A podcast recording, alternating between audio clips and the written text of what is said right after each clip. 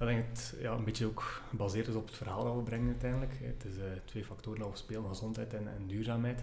En natuurlijk ook afhankelijk van buyer-personas die je hebt, zijn ook andere zaken belangrijk. Hè. Net zoals in ieder salesgesprek ga je eerst goed duiken op de problematiek zeker ook in marketing, is wat het verhaal we vertalen vooral gefocust op ja, de problemen die er vandaag zijn en niet zozeer op onze oplossing. Je Eerst heel veel pushen op van kijk, dit zijn issues, wij kunnen dit oplossen.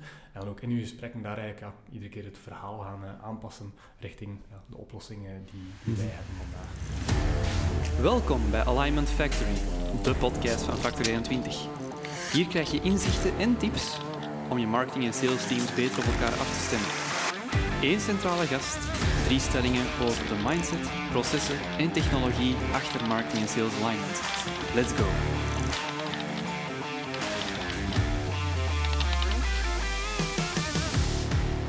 Dag allemaal, welkom terug bij Alignment Factory. Zoals altijd heb ik uh, Nico aan mijn zijde. Dag Nico, alles goed? Dag Stefan, alles zeer goed vandaag. Ja. ja, ja. Um, onze vorige gast, hè, David Uiterhagen, wist heel wat clichés rond, rond outbound marketing de wereld uit te helpen. Zoals outbound is geen numbers game. Mm -hmm. heel interessante aflevering. Vandaag gaan we het over een iets ander boeg gooien. Want vandaag, gast 13 ondertussen, denk ik, ja. uh, hebben we toch wel een zekere primeur, de eerste case. Hè. Daarvoor waren het allemaal zo consultants, experten in, in hun vakdomein. Allee, Tien, jij bent ook een expert in je vakdomein, maar rechtstreeks vanuit een merk. Um, en vandaag gaan we even kijken naar de markt van de B2B frisdranken, verfrissingen en dergelijke. Um, dus in, in een wereld waar Coca-Cola en Culligan Sipwell eigenlijk de plak zwaait, uh, was er zo'n twee jaar geleden een, uh, een duo dat bedacht van, we moeten dat beter kunnen. En die gingen op zoek naar een, naar een oplossing om milieuvriendelijk en gezonde frisdranken uh, en, en gewone verfrissingen aan de man te brengen binnen bedrijven. Um, ja, het doel is heel simpel. Hè. zoveel mogelijk plastic verpakkingen de wereld uit helpen en werknemers gezond houden. Uh, recent ook de, de bereikt van 1 miljoen vermeden plastic verpakkingen, als ik me niet vergis. Um, en dus ondertussen 2,5 jaar bezig, denk ik. Ja, klopt. Toch wel enkele mooie klanten binnengehaald. SD Works, Umicore, wat heb ik hier nog staan? JBC, HubSpot, Corona Direct, SAP en nog veel meer. Dus um, die strategie is uh, voor een groot stuk neergezet door een go-to-market expert. En die zit vandaag bij ons aan de tafel. Tim Dont. Wat een introductie, zeg. Ja, Wat een introductie. Even achtergrond geven. nee, merci voor de uitnodiging. Yes. Ja. Um, hoe is het met u? Zeer goed, zeer goed. Blij om hier een keer in het mooie Hoven ja, hè? langs te komen. Ik kom hier ook eens in. de velden van Hoven. Ja. Dat is toch wel... Um, Tim, we beginnen elke aflevering met, met een icebreaker, zoals dat je misschien wel weet. Uh, en voor u heb ik die van vandaag best simpel gehouden. Um, jij zelf zit nu een dikke twee jaar bij, bij Drippel ongeveer, ja. of bijna twee jaar, zoiets. Um, en op, op die tijd is er eigenlijk heel veel gebeurd, hè? Van, van heel kleine start-up naar toch wel een zekere naam in, in de industrie die heel wat mooie klanten heeft binnengehaald. Hoe heb je die, die twee jaar ervaren tot nu toe? Ja, ik denk dat dat, uh, zoals in iedere start-up, zeker uh, een serieuze rollercoaster is. Uh, en het is leuk dat je het nu inderdaad benoemt als een van de, namen binnen de industrie. we worden graag vergeleken met de grote merken natuurlijk. dus -hmm. dat is teken dat we heel veel goed gedaan hebben. maar ik denk ja, dat we echt alle groeipijnen van een start-up gezien hebben. ook nu tegen alle challenges van een scale-up aanlopen. En dat is heel leuk om daar ja, met die setbacks daar uh, oplossingen voor te vinden en inspiratie op te doen, ook uh, bij dingen zoals dit, ja. om uh, dat aan te pakken. Hè. Ja. Zeg, misschien voor de luisteraars die om één of andere reden Drupal nog niet zouden kennen, Misschien even kort intro, dat is misschien wel handig. de pitch, ja. ja. ja. nee, maar 30 kort, kort van, uh, waar zijn jullie mee bezig? Want ik kan me inbeelden dat er sommigen zien, nee, maar niet van gehoord. Uh, snap ik zeker. Um, luister veel B2B-marketeers, maar dan, dat wil nog niet altijd dat zeggen. Inderdaad, uh, het is inderdaad nu al meer dan twee jaar geleden inderdaad, dat Colin en Lucas, co-founders van Dripple, ja, een beetje op een problematiek zijn gebotst in de frisdrankindustrie, waar, mm. ja, die gedomineerd wordt door echt heel grote spelers vandaag. Mm -hmm. um, waarbij er een aantal kenmerken zijn die ja, vrij typerend is voor die frisdrankindustrie. Vandaag, als je iets lekkers wil drinken, is het vaak uit een blikje. Is dat vaak ook meestal niet zo'n gezonde variant. Um, en ja, ze gaan nadenken van, ja, hoe kunnen we dit eigenlijk gaan aanpakken? Hè? Frisdrankindustrie is typisch een van de, de meest ja, minst duurzame um, uh, organisaties of sectoren. Hmm. En, uh, ja, ja, eigenlijk op alle vlakken, hè? voor gezondheid. Voor... Ja, mm -hmm. Het is uh, inderdaad iets dat gewoon ja, heruitgevonden moet worden. En ze zijn ja, onderzoek gaan doen van hoe kunnen we dat gaan aanpakken. ze gaan kijken welke pilaren kunnen we op steunen en reuse was daar één onderdeel van. Daarnaast ook het decentrale. Um, gaan kijken hoe we op een andere manier de frisdrank kunnen gaan maken. Een blikje frisdrank is 20% smaak, ook 80% water dan getransporteerd wordt door verschillende camions over de E40 en E17 geen oplossing. Dus uh, ja, zijn we op het idee gekomen om uh, een, een, toestel te bouwen, een soort mini-frisdrankfabriek. We hebben die de Dripple Refill Point uh, gedoopt, waarbij dat je met je hervulbare fles of met je glas een lekker drankje kan tappen, die dan heel wat minder suikers bevat. Dus natuurlijke drankjes, waarbij je zelf kan personaliseren hoe je drankje smaakt en op die manier mm -hmm. toch een goed alternatief bieden voor de huidige frisdranken. Ja. ja. ja. Ja, de, de Refilution noemt het, hè? Ja, inderdaad. We proberen onze stroming een beetje te, ja, te benoemen om ja, met ons verhaal mhm. tegen de schenen te schoppen van uh, ja, wat altijd al geweest is nu de laatste twintig jaar. En wat was de achtergrond van de, van de oprichters? Zaten zij in die, of eh, hoe hebben ze dat gedetecteerd, vind ik? Zij waren uh, productontwikkelaars. En, ah, ja, vanuit uh, die mindset zijn ze ja, aan ik ken het. Ja. en zo zijn ze op het idee gekomen om het op die manier... ja, mm te veel zitten sparren op het café. zo gebeurt dat meestal. Don't we all. Ja, zo gebeurt dat meestal. Alright. Oké, goed. Voilà met die introductie en achtergrond achter de rug. Moet iedereen het nu kennen, hè? Voilà, als dat nog niet het geval was. Hè. Als dat nog niet het geval was. um, gaan we duiken in de drie stellingen. Hè. Uh, mindset, processen, tools, in die volgorde. Um, en we gaan ineens beginnen bij mindset. Um, Tim, jullie zijn actief in een, in een zeker marktsegment. Hè. Je hebt langs de ene kant de, de, de waterleveranciers, Sipwell, Culligan, je hebt dan de frisdranken, PepsiCo, Coca-Cola. Je hebt ook de, de, de koffieautomaten, de, hè, de Douwe Egberts van de wereld en zo, met de Nespresso's. Um, nu, jullie hebben besloten om op een dag dat gevecht aan te gaan met die spelers. Dat is niet simpel natuurlijk, uh, dat zijn echt gevestigde waarden al decennia lang. Um, nu, om daar een barst in te krijgen, is, het volgens mij qua mindset wel enig, enigszins nodig om out of the box te denken. Hmm.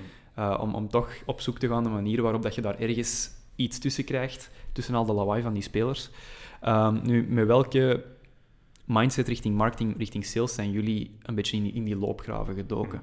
Hoe heb jij daar een rol in gespeeld? Ja, een heel goede vraag. Uh, ik denk dat wij vanuit een beetje marktonderzoek zijn gestart eerst, mm -hmm. om inderdaad die grote spelers is goed onder de loep te nemen, want ja, ze hebben bepaalde manieren van werken. Um, en we zijn echt die markt een beetje gaan ja, definiëren, hoe gaan kijken, hoe werkt de frisdrankindustrie, ja, die waterkoelers, hoe werkt dat? Uh, wij zweven daar zo een beetje tussen. Ja, qua perceptie is dat niet zo eenvoudig om ons daar mhm. gewoon ergens tussen te smijten en hopen dat dat dan op magische wijze uh, hoe gepercipieerd wordt. Uh, we hebben natuurlijk ook heel segmenten, het koffiesegment. ja, daar passen we ook nog ergens een beetje tussen, want op de werkvloer vandaag is dat ook zeer aanwezig. Hè. De, de, mhm. koffietassen mogen niet weggenomen worden op de werkvloer of productiviteit nee. daalt drastisch. Ehm, dus ja, het was een hele oefening om te zien ja, hoe werken die spelers, welke partners werken zij mee. Um, dat een beetje in kaart gebracht en um, ja, ook gaan kijken van hoe komt het eigenlijk dat zij niet met een oplossing komen die duurzamer en gezonder is. Mhm. En ja, gewoon ja, echt op heel hoog niveau bij Coca-Cola ook gaan, gaan zoeken van ja, wat is nu eigenlijk de reden dat jullie niet met zo'n oplossing komen. En ja, de reden was vrij eenvoudig. Hè. Ze, ja, een heel businessmodel is gebouwd op ja, die kleine marges die ze nemen op die single-use packaging. Uh, dus ja, dachten we van als zij het niet gaan doen, doen wij het gewoon. Mhm. En gaan we zoeken naar een manier om ja, met verschillende spelers samen te werken om dat eigenlijk goed te gaan doen. Dus mm ja, we hebben er uh, ja, een beetje onze uh, ja, klaargemaakt om de strijd aan te gaan en de revolution mhm. te starten. om ja, alternatieve manieren te zoeken met andere budgetten. Want ja, Coca-Cola, al die grotere spelers, die hebben een andere manier van werken. En zijn we gaan kijken van ja, wat werkt er vandaag uh, in ja, de, de wereld om echt impact te gaan maken. En daar ja, een beetje de mindset van mm. LinkedIn goed uit te spelen en daar gaan kijken van ja, hoe we op een uh, structurele manier ons verhaal kunnen gaan brengen en eigenlijk ja, de massa bereiken. En we starten heel klein en nu zijn we dat enorm aan het opschalen om uh, mm-hmm. ja, iedereen te gaan uh. En dat marktonderzoek interesseert me, want ik vind dat eigenlijk altijd een heel goed vertrekpunt. Is dat iets wat je zelf hebt gedaan, of is dat iets wat je met een, met een, met een agency hebt gedaan? Of? Ja, wij voor een groot deel zelf gedaan. Echt, ja, zelf. Uh, kent het tool LinkedIn, hè. iedereen is bereikbaar ter wereld. Um, ja, berichtjes gaan sturen naar iedereen. Um, ook wat onderzoek gaan doen, gaan doen binnen de cateringmarkt, uh, binnen de cateringwereld. Er zijn grotere spelers zoals Selecta, ISS, Sodexo, Compasgroep, ja. mm waar we ondertussen al partnerships mee hebben. Maar ja, in die beginfase moesten we heel goed gaan zoeken van ja, wat is een businessmodel, hoe kunnen wij daarin passen. Um, ja, dus dat was een hele oefening geweest om daar te gaan kijken van ja, hoe werken jullie en hoe kunnen wij ons model ook voor jullie doen werken. Hè, want we zijn ervan overtuigd dat ja, zij voelen ook in de bedrijfscontext dat ja, die blikjes frisdrank organisaties willen die meer en meer naar de buitenkant doen. Moeilijk, hè? Dat is een heel groot deel van hun businessmodel. Mm Wij moeten dan met een goed alternatief komen dat ook voor hen uh, ja, logisch is uh, op het einde van de rit. Dus mm. op die manier hoe gaan kijken van ja, hoe werkt dat vandaag en daar uh, ook ons businessmodel rondgevormd eigenlijk. Ja. Mm -hmm.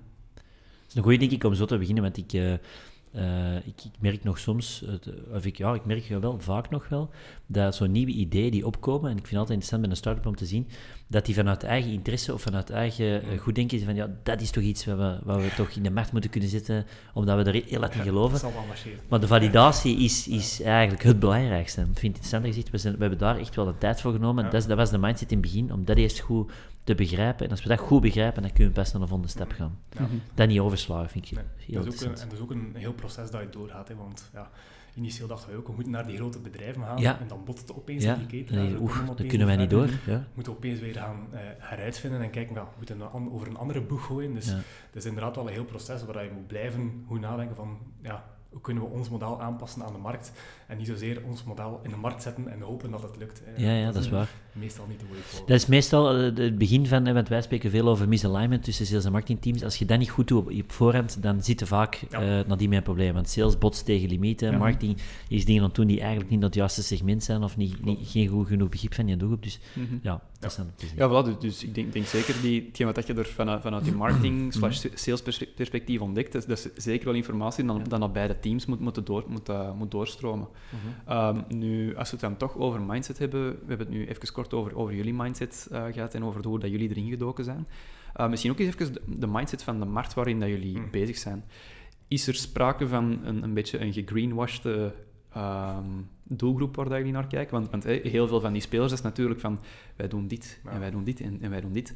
maar, maar is dat dan heel vaak goed praten? En is dat iets dat jullie heel vaak de wereld moeten uithelpen? Um, ik denk dat dat een beetje onze, onze missie uh, mm -hmm. is. Eigenlijk dat verhaal, wat dat de andere spelers op de verkeerde manier brengen, um, ja, dat gaan we tegengaan. Want we horen het waanzinnig vaak. Dat inderdaad, uh, mensen zijn niet bewust van ja, hoe ernstig dat die problematiek is. En ook niet hoe makkelijk dat de oplossing eigenlijk is. Hè. Het is ook onze missie om gewoon het alternatief heel makkelijk beschikbaar te maken. Ja. Maar greenwashing is inderdaad uh, ja, een verhaal dat heel vaak terugkomt. En ik denk dat de mindset bij onze markt of ons doelpubliek ook niet altijd juist zit. Hè. Um, op twee segmenten. Enerzijds duurzaamheid, ja, maar we recycleren, ja, oké. Okay. Goed, hè, maar stel dat je niet zou moeten recycleren. Hè. Recyclage is inderdaad een oplossing, maar ja, niet recycleren is nog veel beter. Hm. Recyclage kost heel veel energie. Eh, Effectief. Transporteren van de PMD-zakken ja, die beter voorkomen dan genezen. ver uh, op ingaan. En dan het gezonde aspect, ja, uh, wij hebben zero varianten. Ja, akkoord, hè, dat zijn inderdaad geen suikers, maar bevat wel andere stoffen die u even grote piek geven in uw, uh, ja, in uw suikergehalte in uw lichaam. Dus op dat vlak is er nog heel veel werk van ons om die perceptie juist te krijgen rond de frisdranken. We weten het allemaal wel, hè, maar ja, de markt en de grotere spelers spelen er vrij goed op in, denk ik. Mm. Um, om het publiek, of eigenlijk de doelgroep die we proberen aanspreken, mensen die op een dagelijkse basis mm -hmm. drinken, dus iedereen, eh, toch een beetje in het uh, ongewis te laten van de problematiek. Mm -hmm. Dus mhm. daar hebben we ja, zelf uh, zie ik dat een beetje als, als, onze missie om dat verhaal bloot te leggen en de oplossing aan te reiken. Ja, en dat klopt vanaf de start. Dat vind ik een goed vertrekpunt. Want ja, ik heb nu, uh, vorige week had ik een case gezien van uh, een luiermerk, uh, dat eigenlijk met de recycleerbare luier kwam, dat ook al heel lang aan het, ja. in de markt circuleert. En als je dan dieper gaat duiken op hun, op hun, in hun communicatie, ik vond dat wel interessant, omdat ja, duurzaamheid, iedereen is mee bezig. Mm. Maar dan bleek dat ze bijvoorbeeld, dus de, de componenten waren in C wel recycleerbaar, of, ja, recycleerbaar, maar er zijn nog geen recyclageperken, dus... Mm je moet het eigenlijk gewoon met afval gooien. Ja. Uh, en als we genoeg, als we genoeg gebruikers hebben, uh, lees de helft van België, dan, uh, dan gaan we misschien een recyclageparken bouwen. Ja, dan zit het een duurzame lui gebouwd, maar eigenlijk in C de oplossing niet. Nee, niet, ja, maar dat, weet je, dat is ook zo'n sector. Hè. Wij, wij, gebruiken thuis voor onze kinderen ook, ook gewoon herbruikbare luiers. Ja. Ehm, maar wat dat ze er niet bij vertellen, dat is, je moet het altijd op 60 graden wassen. Je mocht geen ecologische wasprogramma's gebruiken, Ja. want dat- die stof kan er niet goed tegen. Mhm. Ja, we hebben dat toch gedaan en, en na, na het eerste kindje waren de luiers eigenlijk zo versleten dat we het niet meer konden gebruiken voor het tweede. Dus, dus ja, de, de greenwashing, dat is wel Ja. niet alleen in jullie sector een, Nee. een, een groot gegeven. Hè? Maar daar hadden we nog een oplossing. Hey, daar heb je effectief impact gehad. Hè. Ja, Eh, dat geloven we toch graag. Ja, ja. En dat vind ik wel in- Nee. interessant wat je zegt, van wij proberen echt een, een, Ja. Een oplossing geven die vanaf de start impact heeft. Ja. Niet iets waar dat we waar rondfietsen en... Nee, en, inderdaad. eh, Ik denk dat dat, eh, dat dat een beetje... mooi. Mhm. Ja, want op zich, als, als ik het dan goed begrepen heb, eh, dan, dan werkt jullie systeem een beetje zoals de, de frisdrankautomaten in, in, in fastfoodketens. Hè. Eh, grote dispenser met water en daar- dat is aangesloten op een waterleiding en daar zitten dan, dan siroopjes in, veronderstel ik. Ja. Ehm, en maar dat is, is daar dan bijvoorbeeld ook rekening gehouden qua packaging, dat er zo weinig mogelijk eh, Ja, impact is? Absoluut. We hebben natuurlijk ook nog packaging, maar met één packaging kunnen wij 150 à 200 drankjes stappen. Dus op Ja, dat vlak ja. is dat een veel efficiënter systeem natuurlijk. Eh, het is inderdaad gewoon twee componenten dat we daar gebruiken. Enerzijds het ja, watertransport dat we Mhm. vermijden. Iedereen heeft overal water ter beschikking, hè, dus we gebruiken dat water en mengen het dan op locatie eh, met de concentraten die we eigenlijk ook op een duurzame wijze gaan sourcen. Hè. Dus Mhm. op dat vlak ja, halen we natuurlijk ook uit andere landen eh, die zaak. Maar het is niet omdat je het uit een ander land haalt dat ja, minder duurzaam is. Nee, nee, inderdaad. Mhm. Eh, appelsine halen uit Spanje is nog altijd veel beter dan hier appelsinen eh, in België gaan kweken. Kweken. bijvoorbeeld. Ja, Dus, ja, ja. Op dat vlak ja, is nog altijd qua perceptie ook voor ons. eh worden we daar soms op gechallenged, maar ja, eh, sommige dingen Mhm. moeten we ook op die manier gaan doen. En om onze ja, model Mhm. op de juiste manier Ja. te bouwen, dat ook En- duurzaam is. En zijn er vandaag, ehm, naast natuurlijk de, de minder ecologische spelers in de markt, ehm, concurrenten die dat iets wat hetzelfde doen als jullie, waar dat jullie ehm, ook een beetje rekening mee moeten houden? Ehm, hier in België voorlopig niet, dus daar hebben we wel Mhm. ehm, ja, een open speelveld vandaag. Maar overal ter wereld zien we wel vergelijken, eh, vergelijkbare systemen opduiken. Ehm, iedereen kent het natuurlijk vanuit de, de fastfoodketens, maar ook Ja, dat is hetgeen wat ik... eh, ja. In de US is wel ook al een, eh, ja, zijn er al grotere spelers die daar ja, stevig op inzetten Mhm. en daar ook nog veel verder gaan, waar wij ook ambitie hebben om ja, mineralen toe te voegen aan je water. hè. Zoals dat nu ook zelf eh, ja, je vitamintjes neemt, kunnen we er Mhm. ook eh, eh, veel verder in gaan. En ook in Nederland zijn er al een aantal spelers die daarmee bezig zijn, eh, maar we merken dat we daar al nog altijd de voorloper zijn. Dus we zitten op, eh, op de Mooi. juiste track. Ja, want op Ja. zich, th- thuis hebben al veel mensen zo'n zo'n soda-stream staan, Ja. bijvoorbeeld. Deze is eigenlijk een beetje de, de B2B soda-stream. Ja, dat horen we ook wel af en toe. Nee, Dus als, het ja? dan, als het te moeilijk is om uit te leggen, dan zijn we het is gewoon een grote soda Voilà, voor wie dat nog niet duidelijk was. Ja, voilà. Nu wel.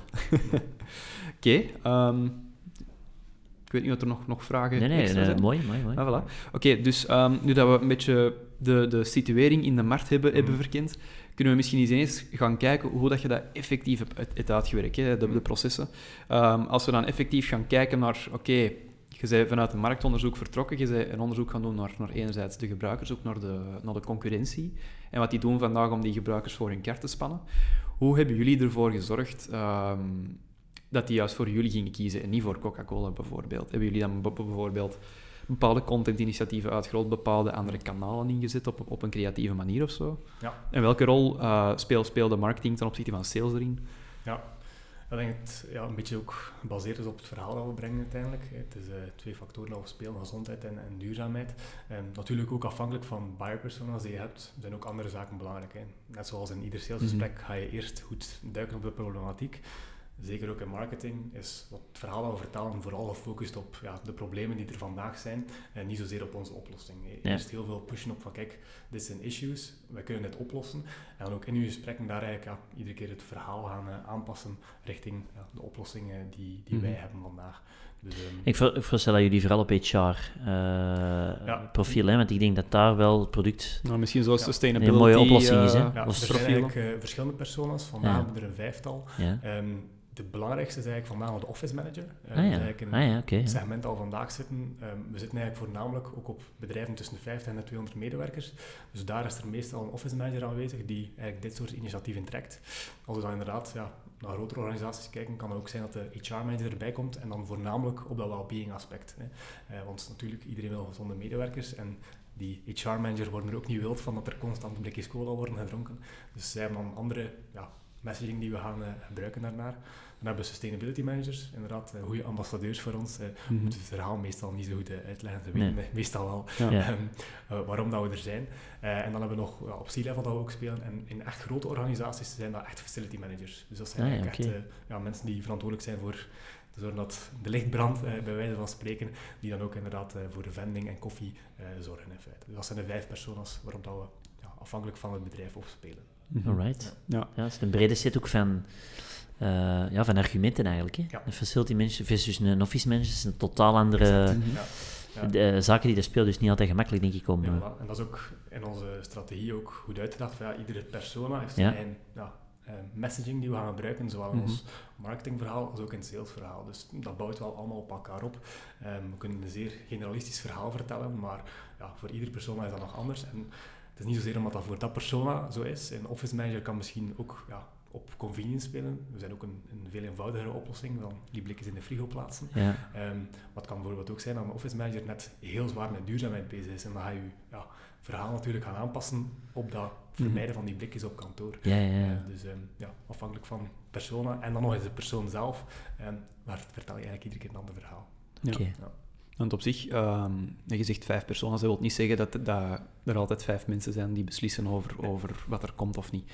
Ehm, als je dat gaat kijken naar jullie decision-making units, hoe, hoe groot Ja. is die gemiddeld en wie zit daar doorgaans altijd in? Ja.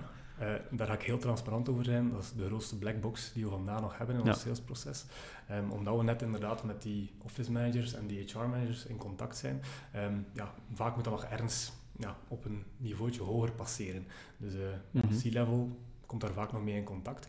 Ehm, maar daar hebben wij vaak minder grip op. Dus wat we ook Mhm. vaak doen is een bottom-up approach en dan gecombineerd met een top-down approach.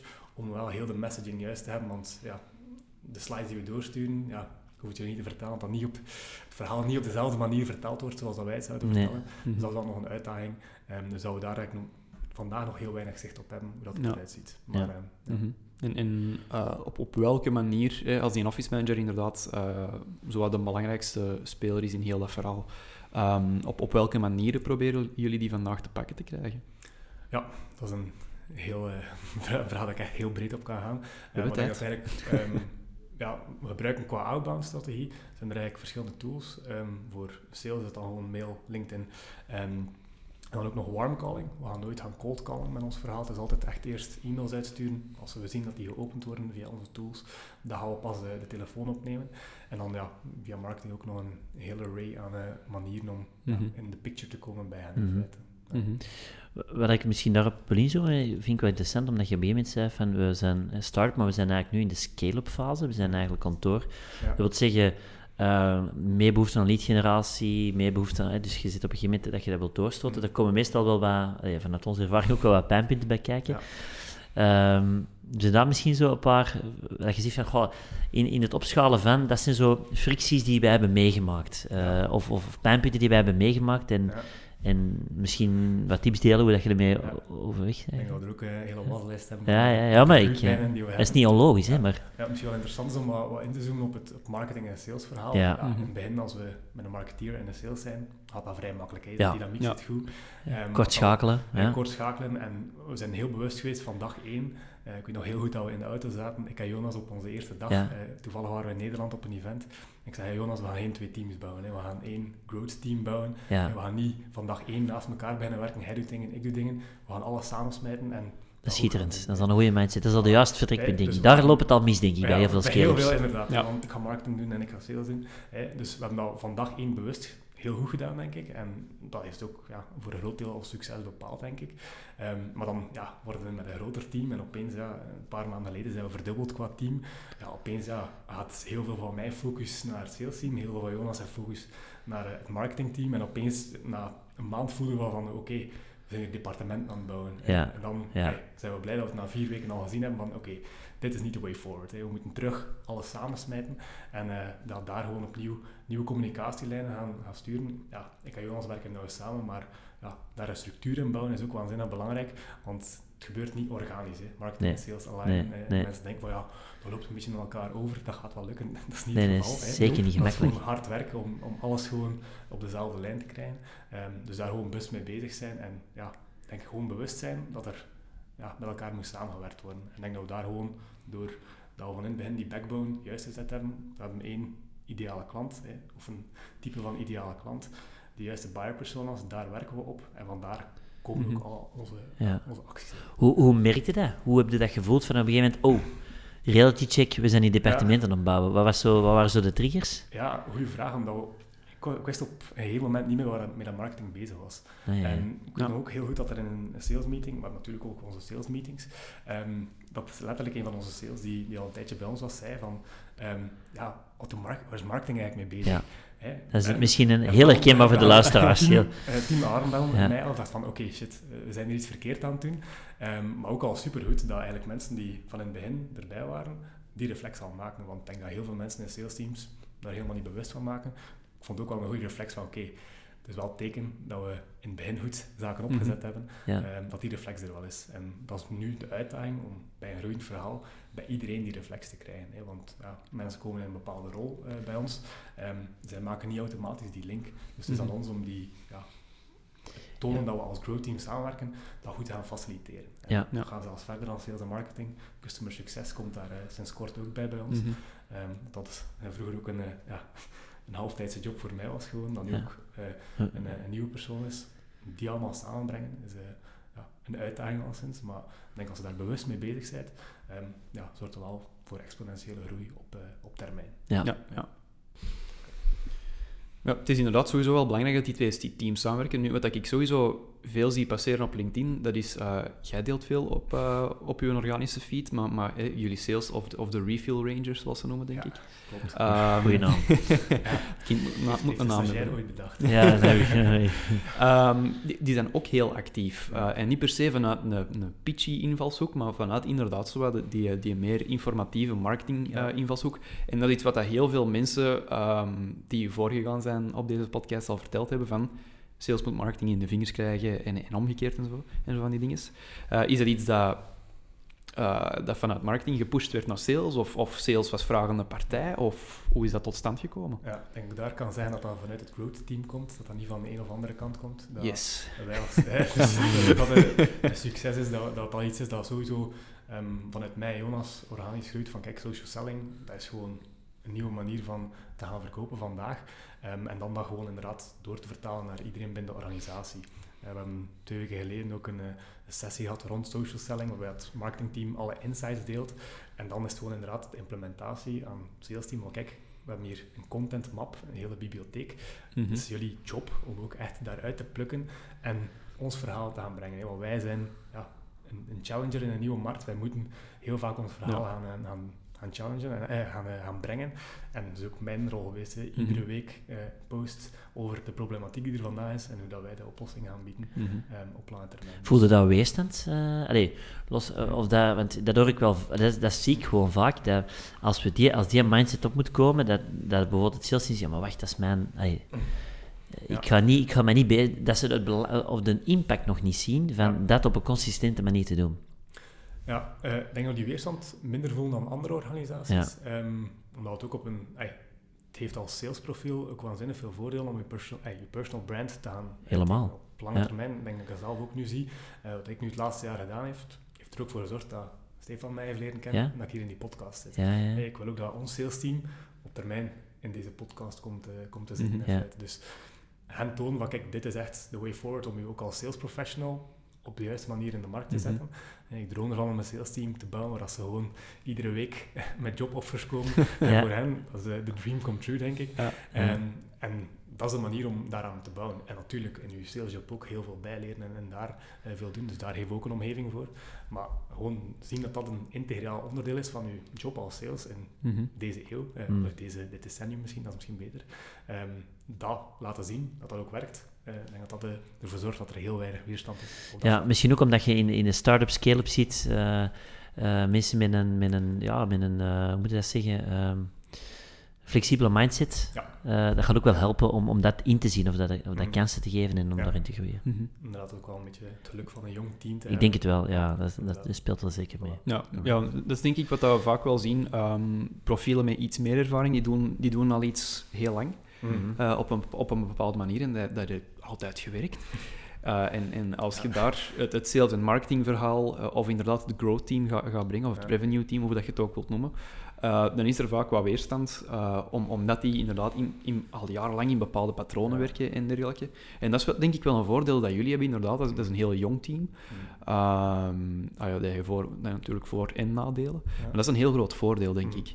Um, om ook frisser uh, in de markt te staan dan bijvoorbeeld ja. de gevestigde waarde. Het is ja. wel belangrijk wat je zegt nu, inderdaad. Uh, het heeft altijd zo gewerkt. Als er iemand zoiets zegt, uh, nope. voor mij duizend alarmbellen die afgaan. ja. Dat kan gewoon niet. Hè. Ik denk dat de mensen die we aanwerven ook, of die we bij ons in het team halen, zijn mensen met een growth mindset. Hè. Het is niet inderdaad wat altijd zo geweest is, dat ook zo moet zijn. Dat is mm -hmm. een beetje ook de basis waar dat we komen. Hè. Het is niet wat er altijd blikjes zijn met frisdrank, ja, ja. ook naar de toekomst zo moet zijn. Dus die mm -hmm. verandering in alles wat we doen, is gewoon aanwezig. En uh, ik denk dat we dat nu ook al kunnen merken. Ja, de sequences die we twee kwartalen geleden aan het opzetten waren, ja, die werken nu ook al niet meer zo performant. Moeten we ook gaan optimaliseren en ja. gaan uh, revisiten samen met het marketingteam. Dus, ja. Mm -hmm. ja want, want, want, we hebben nu gekeken van, van oké, je, hebt, je hebt je persona gedefinieerd, die, die een vijftal. Um, je hebt duidelijk gemaakt aan je sales team van, ja, kijk, hè, dat, dat social selling vooral, dat is heel belangrijk. Mm. Um, uh, misschien even terzijde, het is vooral LinkedIn dat jullie vandaag gebruiken. Hè? Ja, voilà. Ja. Um, als jullie dan proberen te mikken op, op bepaalde personen, bijvoorbeeld die een office manager, mm. gaat de communicatie dan vooral over jullie product en, en de voor- en nadeel ervan, maar of, of bijvoorbeeld hoe kun je het, het leven en het werk van een office manager ja. Ja, gemakkelijker maken? Ja, het hangt opnieuw een beetje af inderdaad van ja, wat voor persoon is het natuurlijk ook. Eh, zeker bij de office manager gaan we wel een beetje zoeken van ja, hoe ziet die dag eruit van de office manager. Office manager vandaag is een beetje zo'n ja, een profiel dat er altijd is, maar nooit gewaardeerd wordt. Hè. En dat gebruikt dan in je communicatie. Wat doen die eigenlijk? inderdaad, er ligt altijd uh, papier in de printer hè, mhm. en de koffiemachine werkt altijd, maar dat is zeer onzichtbaar, die job. Hè. Dus proberen we daarop te spelen van hoe wil je als office manager in de picture komen? Ja, als jij een initiatief zoals dat van ons kan introduceren in je organisatie, ja, is het uw project. Hè, en daar speel je dan op in. Um, want ja, ik geloof ook echt dat als office manager een heel belangrijke rol hebt om ja, ook op, in de kleine zaken. Het is een heel kleine aanpassing die, die, die je doet in de mindset van je medewerkers om een duurzame werkomgeving te creëren. Zeker. Ja, ja. is iets kleins, maar het heeft wel een heel grote impact op termijn. Dus daar een beetje op spelen inderdaad van wat zijn hun issues op een dagdagelijkse basis. En als we dan office manager horen spreken over ja, ik moet iedere week hier uh, 100 blikjes in die frigo plaatsen. Ja, niemand mm wordt daar wild van natuurlijk. Dat is waanzinnig hey, tijdsintensief en ook gewoon geen leuke taak. Nee. Uh, dus maak het gewoon makkelijker om hen dan eigenlijk een uh, alternatief te bieden. En ja, dat is de communicatie die we dan brengen in ja. feite. Ja, maar dat is in C dus wel het eerste persoon dat jullie proberen aan te spreken. Ja, vandaag wel in feite. Mm -hmm. um, en ja, we lanceren verschillende experimenten eigenlijk, maar vanuit het outbound verhaal en de personen die we eerst proberen te targeten zijn meestal de office managers. Um, en ja, daarna is een beetje afhankelijk van de sector dat we ook uh, andere mm personen targeten. Want op zich, je zegt er juist, en, en, en dat is wel interessant om, omdat wij dat ook wel ervaren, C-level, dat, dat, is ook een, een zeker persona. Wat wij ervaren uh, in onze sector is dat C-level, uh, je die er graag van in het begin bij, ja. maar ze komen vaak pas op het einde. Mm -hmm. om gewoon groen of rood licht te geven. Mm -hmm. hoe gaan jullie daarmee om? Want, want hey, je kunt ja. eigenlijk heel uw DMU mee hebben, en dat is dan één iemand dat kan gaan zeggen om eender welke reden van veto. Ja. Nee.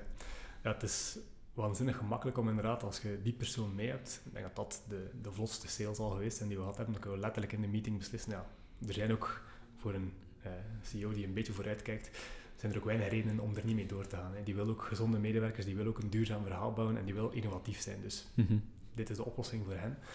Um, maar natuurlijk, ja, als je je outbound mailings gaat sturen naar een CEO van, ja, we hebben hier een, ja, een frisdranktoestel, koffie, eh, koffiemachine, dat is ook iets dat daar niet op dagelijkse basis mee bezig is. Hè. We zijn niet ja, echt impact aan het maken op de revenue van zijn bedrijf. Klopt. Het is moeilijk om daar binnen te komen. Mm -hmm. Dus wat we wel zien als we op events staan, ja, die, die CEO's komen ook bij ons toestel ja, ja. en dan is de conversatie snel opgestart. Ja. Maar om echt ja, outbound sequences op te zetten, ja, zien we heel vaak dat we ook nog doorgestuurd worden naar de office manager. Mooie win in. Hey, echt de perfect way in zelfs, zou ik zeggen. Mm -hmm. hey, als uh, dat zo doorgestuurd wordt, ja, ik moest het bekijken van mijn baas. Oké, okay. dan zijn we vertrokken. Dan zijn we vertrokken, Um, dus het is ook een strategie die we gebruiken, maar ook maar in specifieke sectoren. Dus bijvoorbeeld bij agencies is dat wel een, eentje die goed gewerkt heeft, bijvoorbeeld, ja. omdat je daar voelt dat de, de, eigenaren ook wel zeer betrokken zijn bij de medewerkers. Mm -hmm. In andere organisaties, in de industrie bijvoorbeeld, ja, die zitten dan meestal op een ander niveau te werken. Het is moeilijker om daar via die weg te gaan werken. Dus het hangt een beetje af van ja, industrie die we gaan aanpakken in feite. Ja, ja. Maar dus eigenlijk hangt heel veel af van, van hoe vooruitstrevend het C-level is. Ja, inderdaad. Ik denk dat ze het echt vooruitstrevende, die zien het gewoon meteen van ja, oké, alle zaken vallen hier in zijn plaats. Dit is een oplossing die we nodig hebben. Ehm, maar ja, het moet inderdaad ook wel iets zijn dat op hun agenda past. Het is ja, niet mhm. dat is de, maandagochtend als opstaan eerst gaan bekijken van hoe kunnen we onze drankvoorziening verduurzamen. Um, ja, dan moeten we eerlijk zijn dat we niet hoog bovenaan de prioriteitenlijst staan. Ja, dat is denk ik het moeilijkste bij jullie, die, die, uh, die, die, een urgency creëren eigenlijk, hè, op, op, een gegeven moment in tijd. Omdat er, er komt heel veel op ons af en, en ja. Dat uh, bij, bij ieder salesproces uh, al de bottleneck is. Ja, ja, ja, ja, Hoe kunnen we zo snel mogelijk mensen um, erin brengen? Want ja, als we eerlijk zijn, duurzaamheid is nooit het meest dringende, helaas. Hè. We geloven wel dat dat zeker gaat veranderen. En ook gezondheid, van ja, well-being is belangrijk, maar we gaan in Q4 een well-being webinar doen, want eh, ja, gewoon... Eh, ja, ja, vrij oppervlakkig voilà, oppakken. Ja, Of, of, wat dat je denk ik ook wel veel, veel tegenkomt, is een bedrijf dat, dat heel veel communiceert over duurzaamheid en dan... Oh, maar dat kost geld. Ja. komen, ja, wij zitten daar echt bij de bron en wij zien het op dagelijkse basis gebruiken. De website vol met duurzaamheid, green dit, green dat. En dan komen ze bij ons oplossing, de perfect fit voor hun kantooromgeving, op een zeer makkelijke manier duurzaam te maken. Ah, oei, moet daarvoor betalen. Ja, ja, ja, ja. ja dan gaan we dat toch niet doen. Ja, ja, Dat past er niet van. Je blijft, je blijft een business, hè. Ja. Nee, dus uh, challenges die we zeker ook uh, hebben al sinds. Right. Dus, uh, ja. Maar ja, met je erbij komt het wel goed, denk ik. We zwemmen, er wel door, ja. Goed, uh, we hebben de mindset van de markt van, van een doelgroep bekeken. We hebben ook eens gekeken hoe dat jullie als Dripel uh, die markt echt benaderd hebben om daar uh, een, een, slag te slaan. Hmm. Um, het is natuurlijk technologie. Vandaag is, daar zijn we het over eens, denk ik, onmisbaar ja. mm-hmm. als, je, als je wilt groeien. Um, en, en wie start-ups of scale-ups zegt, je, hebt het zelf ook al een paar keer gezegd, mm. die zeggen ook groeipijnen. Ja. Um, technologie is er om bepaalde zaken in voegen te krijgen, om, om bepaalde dingen te automatiseren. Maar het, het kan ook zijn om, om bijvoorbeeld groeipijnen uh, te belichten of, of die te verzachten. Um, in, in welke mate gebruiken jullie vandaag technologie om, om enerzijds de, de loop tussen sales en marketing te dichten, maar ook anderzijds uh, gewoon om jullie te helpen uh, beter te worden in wat jullie doen? Ja, ik denk dat in eerste plaats technologie ons echt helpt om, om tijd te besparen. Um, ik denk dat ja, van onschatbare waarde is hoeveel dat tools kunnen helpen met automatiseren, dingen die op dagelijkse basis tientallen keren moet doen, om dat te gaan ondersteunen. En we hebben het geluk gehad, of ja, toch de juiste keuze gemaakt in het begin. Eh, Colin die heeft gewoon gestart van, kijk, we hebben een tool nodig die alles integreert. En dat is dan een HubSpot geworden. Um, als hij daar een beetje mee aan het prutsen, ben ik eh, erbij gekomen om hem daar een beetje bij te helpen. En ondertussen is dan een tool die inderdaad alles heel mooi samenbrengt. Dat marketing en sales, ja, er weinig tools zijn die zo mooi laten samenvallen, denk ik. Ik heb al met heel veel verschillende CRM's gewerkt en je kunt inderdaad met een tech stack werken om u tegen te zijn en voor, voor iedere individuele actie de juiste mm tool te hebben. Maar ik denk als jonge organisatie heb je eigenlijk gewoon de basis nodig. Uh, je kunt inderdaad, er zijn duizenden en één tools, je kunt daar waanzinnig gek in gaan. Maar voor de basis op te zetten, kun je starten met iets dat al mooi alles samenplakt mm en van daaruit verder bouwen. Dus ik geloof wel dat je moet starten met een tool die de basis al juist zet, zodat je eigenlijk als marketingteam en salesteam mooi naar elkaar kan toegroeien. En HubSpot helpt erbij om ja, waanzinnig veel tijd te besparen. En wij moeten niet gaan kijken naar ja, hoeveel conversieratio's dat er op bepaalde landingspagina's waren. We zien het gewoon letterlijk in platform. onze dashboards. Ja. Um, dus uh, op dat vlak ja, denk ik dat er een tool is die, die wij goed gebruiken. En dat is dan HubSpot, die, uh, die ons helpt om ja, waanzinnig veel tijd te besparen. Mm -hmm. Ja, ja. wat gezegd hebben, wij zien dan heel veel bedrijven die dan in die situatie zitten waar ze een, een brede tekststack hebben opgebouwd door de historiek. Hè. Iedereen heeft zijn eigen ding beginnen doen en aan elkaar beginnen breien. Maar het gevolg is dat er geen inzicht is. Want die dingen spreken niet allemaal met elkaar en dan is dat heel moeilijk. Dus wij proberen alles eruit te knippen om inderdaad naar zoveel mogelijk één omgeving te gaan, waardoor je dan in één dashboard gewoon heel eenvoudig kunt zien. Eigenlijk toch naar de essentie gaan. Ja, voilà. Uh, ik denk, ik heb daar een goede case van ook. Eh, toen ik bij vorig bedrijf werkte, ja. we van HubSpot afgestapt richting een ander CRM-systeem. Ah, ja. Um, maar dat zie, dat zie ik niet veel gebeuren. er waren ook bepaalde redenen voor. Ja. En opeens zag je gewoon de teams uit elkaar vloeien. Eh, want er waren redenen om met die tool door te gaan. HubSpot is ook niet de meest goedkope tool, maar als je het uitrekent op basis van tijd die je wint, denk ik dat de investering meer dan waard is. Mm. Um, En je zag opeens heel, ja, alles uh, Mhm. uit elkaar gaan. En toen heb ik gezegd van kijk, er is maar één tool waarmee je echt alles mooi kan samennemen. En bij heel veel nieuwe organisaties dat ik gewerkt heb dan, zijn we die tool beginnen implementeren en daarbij beginnen werken. Mhm. Omdat, ja, Want ik, ik denk wat, wat dat een, valkuil, een gemakkelijke valkuil is voor, voor kleinere bedrijven of, of start-ups inderdaad, dat is, dat is een tool kopen die dat specifiek voor dat type bedrijf is gemaakt. Mhm. En wat dat niet alleen HubSpot, hè, maar, maar heel veel andere CRM-systemen ook wel hebben, dat is, dat, dat is een schaalbaar systeem. Je, je kunt Ja. dat beginnen gebruiken als je, als je klein en bescheiden bent, Mhm. Maar je kunt dat wel mee met je laten groeien, hè, naar, naar hogere pakketten, met Ja, meer voilà. features gaan, uh, naarmate dat je groeit. En, en, en Maar- als ik u zo wat al he- heb horen praten tijdens deze podcast en ook het gesprek dat we hiervoor hebben gehad, uh, dan is het wel zo dat jullie altijd naar de toekomst kijken en, en op de groei ook wel een beetje... Ja, voilà. Nee. En dat is denk ik heel belangrijk, dat, je, dat ik zie bij heel veel organisaties van ja, we hebben een CRM-systeem nodig. Eh, je moet goed kijken van welk CRM-systeem past er bij uw business. Hè. De Mhm. loodgieter, ja, die moet niet in een HubSpot beginnen werken met landingspagina's. Hè. Nee. De loodgieter heeft teamleader nodig, bij wijze van spreken. Ja. Eh, en dan ja, echt hele grote softwarebedrijven, die moet misschien inderdaad eerder naar een Salesforce gaan kijken bijvoorbeeld. Maar denk als jonge B2B-organisatie zijn er weinig tools eh, die het makkelijker maken om sales en marketing te alignen dan Ja. HubSpot, waarmee dat je inderdaad op de groei kan werken. Hè. We hebben inderdaad waanzinnig hoge ambities. Eh, en om dat waar te maken, ja, gaan we niet met een, eh, een pipedrive alles ge- Ja, dat synken dan met, eh, met een Mailchimp en, Ja, voilà. en- enzovoort, we enzovoort, gaan dat enzovoort. kunnen doen en dat was Ja. waarschijnlijk ook de meest budgetvriendelijke optie geweest toen. Maar ja, we gaan niet... In licenties. Ja, voilà. Ja.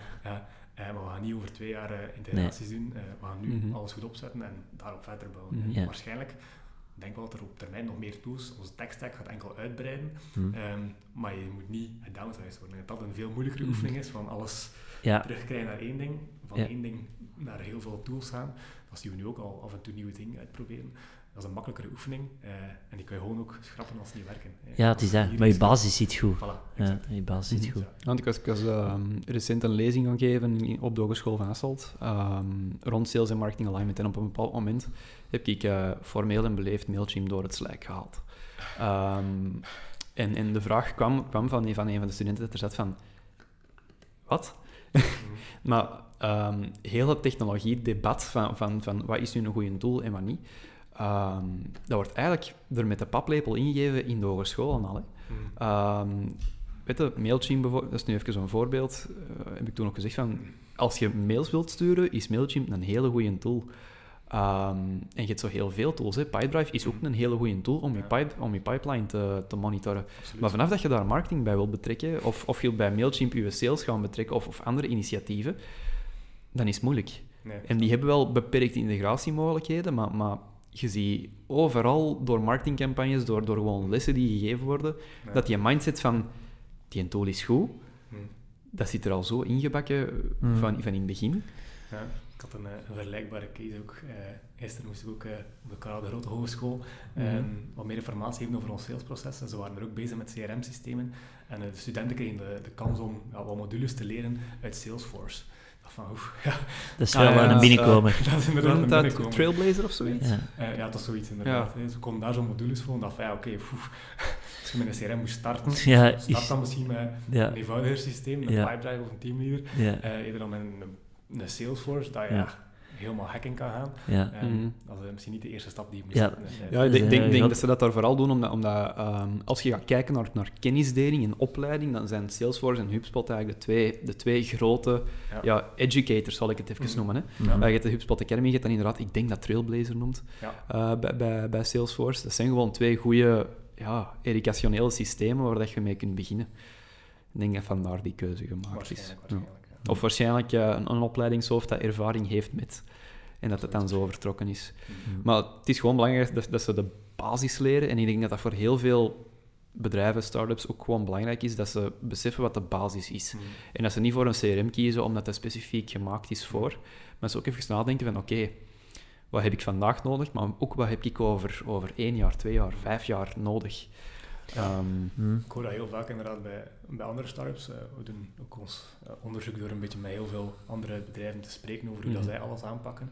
En dan zeker op outbound, ja, daar is er ook zo'n ja, waanzinnig arsenaal aan uh, tools om outbound te gaan doen, Mhm. eh, Lemlist, eh, Phantom Buster. En Ja, iedere jonge ja. start-up werkt met minstens vijf van die tools. Hè. Ja. Ehm, terwijl ik, ik altijd denk van ja, je kunt ook je sequences opzetten in HubSpot en start daarmee en probeer daar al heel wat uit te halen, in plaats van een tool te gebruiken die al 20 extra features heeft.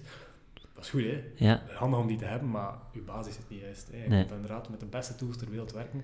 Als je niet je eerste stap niet juist hebt gezet, gaat het eh, veel moeilijker zijn om dan ja, terug te scalen. Ja, we hadden met de vorige aflevering met David ook de discussie. En hij zei ook, want er had ook een discussie over die tools, zoals een lemlist bijvoorbeeld. Ehm, dat- veel bedrijven zijn al aan het nadenken over het opschalen van hun eh, outbound, vooraleer dat ze maar eerst maar nog voeling hebben gehad met hoe dat het in, in essentie werkt. Ja. Dat is wat je ook zegt, hè, probeer eerst eens in je huidige technologie te zien dat je een manier van werken vindt. En dan kun je gaan kijken naar misschien tools die dat kunnen opschalen, Ja, dat, dat je niet zou kunnen in je bestaande stack. Ik denk dat er wel zijn veel bedrijven zijn die waarschijnlijk al met heel veel tools werken en Ja, al ja, ja. hebben, maar nog geen template gebouwd hebben in HubSpot bij Bijvoorbeeld, ja, ja, ja, Ja. letterlijk. Mhm. ja. Ja, ik denk, denk in heel deze discussie, niet alleen in technologie, maar gewoon in, in heel het gegeven van hoe, hoe zet je sales en marketing meer op één lijn, is, is heel dat uitzoomen super belangrijk. Hè? Even uitzoomen, complete situatie bekijken, zien waar zitten we vandaag, waar moeten we eigenlijk naartoe en wat moeten we doen om, om dat te doen. Ik denk dat heel veel mensen nog altijd te gefixeerd zijn op wat dat ze vandaag willen bereiken vanuit hun optiek, eh, zonder dat ze echt stilstaan bij, bij het complete plaatje. En, en, en dat, is, nu wel iets, hè, ik ben er nog niet lang bezig, maar dat is precies wel iets dat jullie al, al toch redelijk goed voor ogen hebben. Ja. Ja, maar wat ik ook wel goed vind, is dat je zegt van... Want ik denk dat dat ook de fout is die dan vaak wordt gemaakt bij de start als je naar technologie kijkt. We hebben een CRM nodig, we hebben een e-mailprogramma nodig. Nee, eigenlijk moeten we kijken, wat hebben we nodig om onze groei schaalbaar te gaan faciliteren? Ja. Eh, En welk platform ga, kan dan die eh, vereisten voldoen? En dan niet als apart... eh, want dat is ook een deel van wat je zegt. We hebben er bewust op gelet dat we sales en marketing samenhouden. En door te kijken van hoe dat je, de manier waarop je naar technologie kijkt, is volgens mij ook een vertaalslag van die gealineerde mindset. Van, we willen hier samen groeien met twee. Welke technologie gaan ons daarin helpen om daar samen inzicht in te krijgen? En ik had het ook gehoord in een van jullie vorige podcasts, denk Ja. ik, ehm, dat inderdaad aan het spreken was van ja, stel dat met verschillende tools werkt, ja, om te gaan kijken wat het conversieratio voor bepaalde e-mails zijn in het zoveelste tabblad. Ja, Ja. Als salespersoon, die bijvoorbeeld in deze fase bij Drupal erbij komt, ja, die gaat niet gaan kijken in Mailchimp hoeveel conversies er waren Mhm. op een bepaalde landingspagina. Dat moet gewoon voor zijn neus staan en eh, op die manier gezien worden. En dan ja, is het super makkelijk om die klik te maken. Oké, die persoon heeft dit en dit en dit gedaan. Ja, dat zorgt ervoor als ik nu deze mail stuur, dat dit zal gebeuren. Ja. Mhm. En ja, als je daar gewoon een heel ja, vertekend, vertekend eh, een heel breed beeld van hebt, dat je op heel veel verschillende hoeken in je verschillende tools moet gaan zoeken, ja, van nature ga je dat nooit doen. nee. Dus je moet de basis juist hebben om zo Ja. Eh, verder te Ja. gaan werken. Maar dat is dan de mindset dat je hebt. Want dat is, eh, vaak wordt dat echt bekeken als... We hebben tools nodig om functionele dingen te doen. Nee, je, je hebt eigenlijk iets nodig om je groei inzichtelijk te maken, op te schalen. Ja. Daar gaat het om. Dat het een waanzinnige valkuil is van, van Ja. heel veel organisaties van, ah ja, dit, dat, is, Ja. dat werkt het beste daarvoor. Ja. Oké, waarschijnlijk. Hè. Daar kunnen we goedkoop mee mailen, Ja. daar kunnen we goedkoop eh, eh, social post mee inplannen, daar kunnen we... Ja, en al die tools zijn Ja. ook echt net gemaakt om daarin eh, Ja. specifiek te gaan, maar ja, het is veel beter om eh, een Ja, beetje ja. achteruit te kijken van oké, Mhm. van waar moeten we hier eigenlijk gaan starten in plaats van alles erbij te nemen. Ja, hoe gewoon een duurzame, een, eh, om het even in de term te zeggen, een duurzame database bouwen, eh, waar dat we echt goed gealineerd op kunnen werken. En dat zijn er eigenlijk maar een paar technologieën die, die daar volgens mij echt, echt goed in zijn. Ja, ik Ja. heb ook dat gevoel. Ja. Ja. En zo is de cirkel rond en gaan we van technologie terug naar mindset. hè. Ja, Ja, Ik vind dat eens een mooie om, om de stelling mee af te ronden. ja. Ehm, Tim, hè, je hebt juist toegegeven dat je luistert naar onze podcast. Vind ik Ja. heel leuk. Eh, maar dan weet je ook welke vraag het er nu komt. Hè. Eh, als je jezelf vers afgestudeerd één tip mocht geven om je carrière verder te helpen, wat zou dat zijn? Ja, ik vind het een heel goede vraag. eh, want eh die dat ik ook even over moest nadenken, Mhm. alleszins. Ehm, ik heb wel het gevoel dat dat het belangrijk is om, als je inderdaad in sales of in marketing ehm, ja, een professional wil worden, dat heel belangrijk is om in een organisatie te komen waar je heel veel ownership kan krijgen. Ik heb misschien, ik, kan, ik noem het niet graag als een fout, maar ik heb wel de keuze gemaakt om ooit bij een groot bedrijf te starten. Vanuit, ja, als je een master haalt, is dat de, de logische volgende stap. Ja, ja. Mhm. Ehm, achteraf gezien had ik beter andere keuzes gemaakt. Was ik beter bij een klein bedrijf gegaan, waar je dan ook voelt hè, van oké, die alignment tussen sales en marketing, dat is heel belangrijk. Ik heb het geluk gehad dat ik bij een agency werd die ja, dat ik daar ook een beetje een centrale rol zat om dat Mhm. te ontdekken. Ehm, ja, als je in een heel grote mastodont werkt, stel dat je je salescarrière bij Salesforce gaat starten, ja, je moet niet denken dat je eerste drie maanden zelfs iemand van het marketingteam zal zien. Mhm. En dan is het ook heel moeilijk om die mindset te gaan creëren. Ja. dat als jong profiel had ik heel graag echt in die startups gezeten, want ja, in de eerste fase van Drupal, ja, marketing, we moesten dat zelf gaan verzinnen, die video's. Mhm. We stonden daar met onze iPhones en dan zagen we die impact, oké, Je kunt onmiddellijk impact maken, hè, vind dat voilà, die post die we doen, Ja. krijgen we zoveel leads uit. Oké, en ik moet je nu zelf gaan opvolgen, want nu dat er een toestel staat, Ja. moet ik zelf customer success Mhm. gaan doen. Dus in zo'n rol terecht te komen, leer je waanzinnig veel bij, om dan inderdaad weer op verder te bouwen. En je kunt inderdaad waanzinnig diep gaan in sales. En er zijn waarschijnlijk waanzinnige traineeships daarvoor, maar ik denk de beste traineeship is echt in een jonge organisatie hoe alle facetten zien en eh, daar ook voelen hoe dat eigenlijk Mhm. eh, een revenue organization Ja. draait. Ja, en ook ik vind, als je, zeker als marketing- en sales professional, eh, want je spreekt nu over, ik ben gestart in een grote corporate, ehm, dat heeft voordelen, want je, je, je, je, je leert begrijpen hoe dat... Extra legale voordelen. Ja, hè, extra legaal, maar dat heeft ook voordeel omdat je ziet hoe dat zo'n grote bedrijven gestructureerd zijn en dat interessant is. Maar langs de andere kant worden wel in, in, de, oude leven, in de oude denkwereld ge- ondergedompeld. Hè. Mhm. Want vaak zijn dat nog heel traditionele salesprofielen, heel traditionele marketingprofielen, of toch in ieder geval die functieomschrijvingen en Ja. in dagdagelijkse. Dus je wordt eigenlijk al als vers afgestudeerde in een bepaalde richting ge- gestoken die misschien niet meer future-proof is. Dus dat vind ik wel, eh, dat kan ik wel helemaal niet volgen.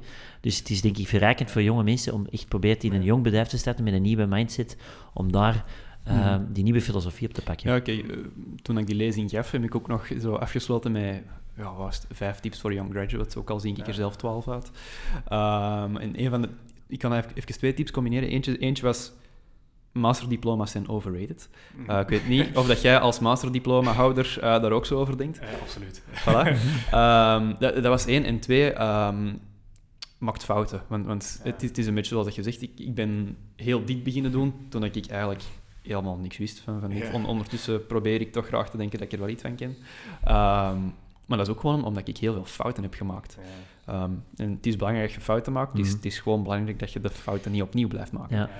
En in zo'n organisaties kun je, of kun je veel fouten maken. Omdat, omdat iedereen fouten maakt. ja, natuurlijk. Het is allemaal nieuw, hè. Het, is allemaal, het is allemaal experimenteel nog. Dus dat, Ja. maakt het super interessant. Ja, maar ik wil er wel nog misschien op, op aanvullen dat, dat ik wel denk dat een salesrol starten, er is er nog altijd heel veel negatieve connotatie rond, maar ik geloof wel dat dat een, een perfecte manier is om je carrière te starten. Ja, Vanuit daar ja. kunnen nog echt letterlijk alle kanten uit.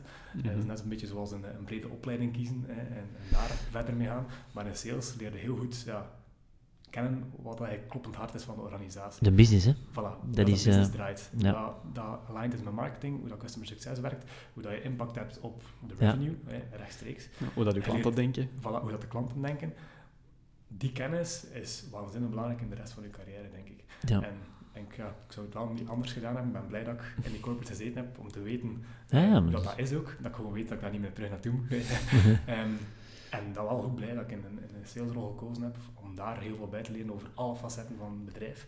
En dat is ook een tip dat ik aan anderen zou geven. Ehm, het is niet omdat er een misschien negatieve connotatie bij sales hangt. Dat is vooral fout van de maatschappij, denk ik. Want dat zijn ook de mensen die ja, de wereld vooruit helpen. Hè. Als wij onze innovaties niet pushen naar onze klanten, gebeurt er letterlijk niks. Niks. Ja. Eh, eh, dus ik vind het een heel maatschappelijk belangrijke rol ook eh, als salesprofiel. En je kunt er waanzinnig veel in, eh, in bijleren. Ja. Mhm. Ja. Interessante. Wij, ik heb, ehm, wij gaan eh, in de andere podcast, eh, hebben we nu voorgenomen dat we tegen het einde van het jaar onze tien eh, eh, dingen die wij aan jonge mensen zouden meegeven, Ja. ook oplessen. Dat is leuk. Mag- In mijn top drie. Ja, Dat. Ja, staat, ja, maar staat in mijn top drie, sowieso. Dus Ja. eh, ik vind het een heel, een heel goeie. Nee, weer een gouden tip rijken. hè. Ja, verlassen. Goed, Tim. Ik vond het heel interessant. eh, nu weten hoe dat de Revolution een beetje tot stand is gekomen en hoe dat die verder gaat evolueren. Mhm. Ehm, Ik denk, denk dat we het daarbij gaan laten, hè, Nico? Ja, top. Goed. Merci voor die inzichten. Ja, Merci Ja. voor de Merci de om, langs te Ja. komen. Merci om te luisteren of te kijken, waar dat je het ook bekijkt of beluistert. En tot de volgende keer.